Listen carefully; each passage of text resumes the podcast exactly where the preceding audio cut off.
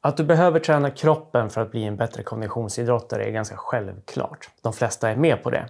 Men att du även kan få positiva resultat av att träna hjärnan kanske kommer som en liten nyhet. Så det här är baserat på forskning som ganska mycket kommer från en forskare som heter Samuele Marcora som jag och Jakob Gudiol brukar kalla för den arga italienaren för att han är arg och från Italien. Det visar sig att han är arg genom att han flera gånger har blivit avstängd från Twitter, när det fortfarande hette Twitter, för att han ballar ur och går till personangrepp och är, är allmänt eh, ganska jobbig. Han har bråkat rätt mycket med en, en annan forskargrupp från eh, Sydafrika.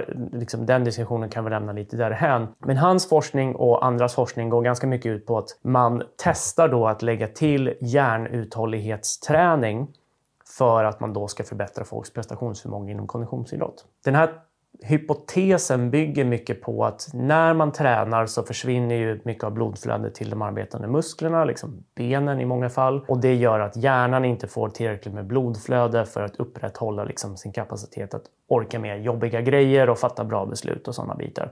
Och det här ser man då i att man får en ökad känsla av upplevd ansträngning, alltså RPE, när man anstränger sig. Då. Deras tanke är då om man då tränar hjärnan separat, utöver att man tränar det specifikt genom att man anstränger sig mycket i sin konditionsträning och sådär, så får man en, förbättrad effekt. Alltså att man lär hjärnan att hålla på med riktigt jobbiga saker längre. Det skulle kunna gå till så att man utsätter en grupp, eh, till exempel cyklister, för träning 4-5 dagar i veckan där de får träna ett eh, standardiserat träningsprogram och så testar man dem med till exempel ett time to exhaustion test, alltså tid till utmattning.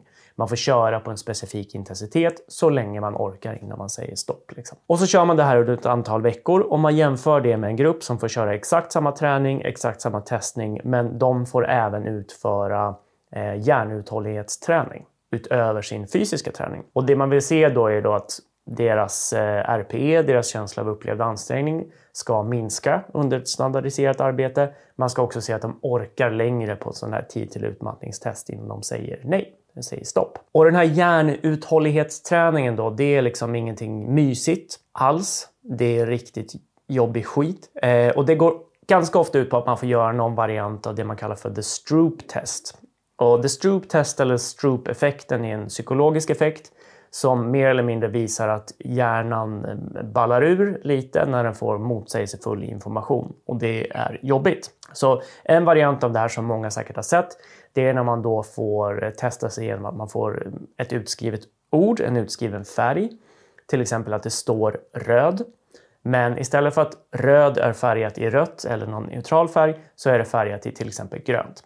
Och din uppgift som testperson då blir inte att säga röd när du ser röd utan att säga grön för att du ser färgen grön. Och sen kommer då ordet grön, men det är färgat i blått och då ska du säga blått. Så håller du på så här i typ 30 minuter och tanken är då att på grund av det här riktigt, riktigt jobbiga skiten så ska du bli bättre på att hantera riktigt jobbig skit. Som till exempel när du är väldigt trött och egentligen vill ge upp så ska du då bli bättre på att fortsätta köra.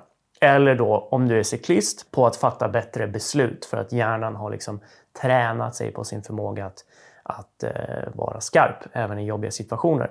Så till exempel, då, det här blir väldigt viktigt för cyklister. Det är en väldigt taktisk idrott. Man kan fatta rätt eller fel beslut. Vilket hjul ska du följa? När ska du sätta in din attack? När ska du börja spurta? Sådana bitar. Tanken är då att man ska bli bättre på det av den här typen av träning. Så för att du ska få en liksom liten känsla om det här kan vara någonting för dig så ska du få testa det här. Jag kommer att göra så här att jag kommer under ungefär 20 sekunders tid Eh, skriva ut ord, men med liksom fel färg. Och din uppgift blir då, om du är en riktig psykopat och sitter på tunnelbanan, att säga den färgen. Om du lyssnar på det här så kommer du inte se någonting, utan nu kommer det vara ungefär då 20 sekunders tystnad. Där du kan antingen spola förbi eller fundera på något annat, typ meningen med livet. Då kör vi!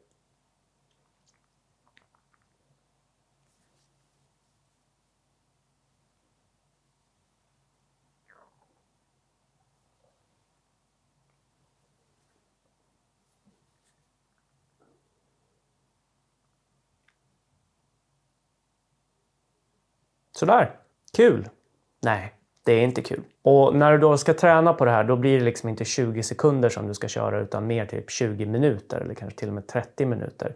Och du ska göra det då efter varje träningspass som du gör. Och tanken är då att den här fysiska träningen ska förbättra, förbättra din fysiologi och den här mentala träningen ska förbättra hjärnans kapacitet att liksom hålla på med jobbig skit helt enkelt. Jag hade inte gjort det här. Eller kanske om jag hade haft liksom oändlig tid och motivation, då hade jag kanske möjligen försökt göra det här. Men lite som med så här andningsträning, alltså sån här träning av andningsmuskulaturen, så är det här det första som ryker när man får den minsta brist på tid eller motivation. Det du kan liksom luta dig mot och det som är lite betryggande är att det finns som sagt ganska mycket studier som visar att det här funkar och då kan man också säga att det finns folk som redan har testat det här. Så du behöver inte göra det om du inte vill. Om du skulle vilja försöka dig på det här så gör gärna det för all del eh, och rapportera om du får några resultat eller annat till mig. Så blir det en intressant uppföljning, vad vet jag. Det var egentligen det hela för idag. Jag tackar så mycket så ses och hörs vi när vi gör det.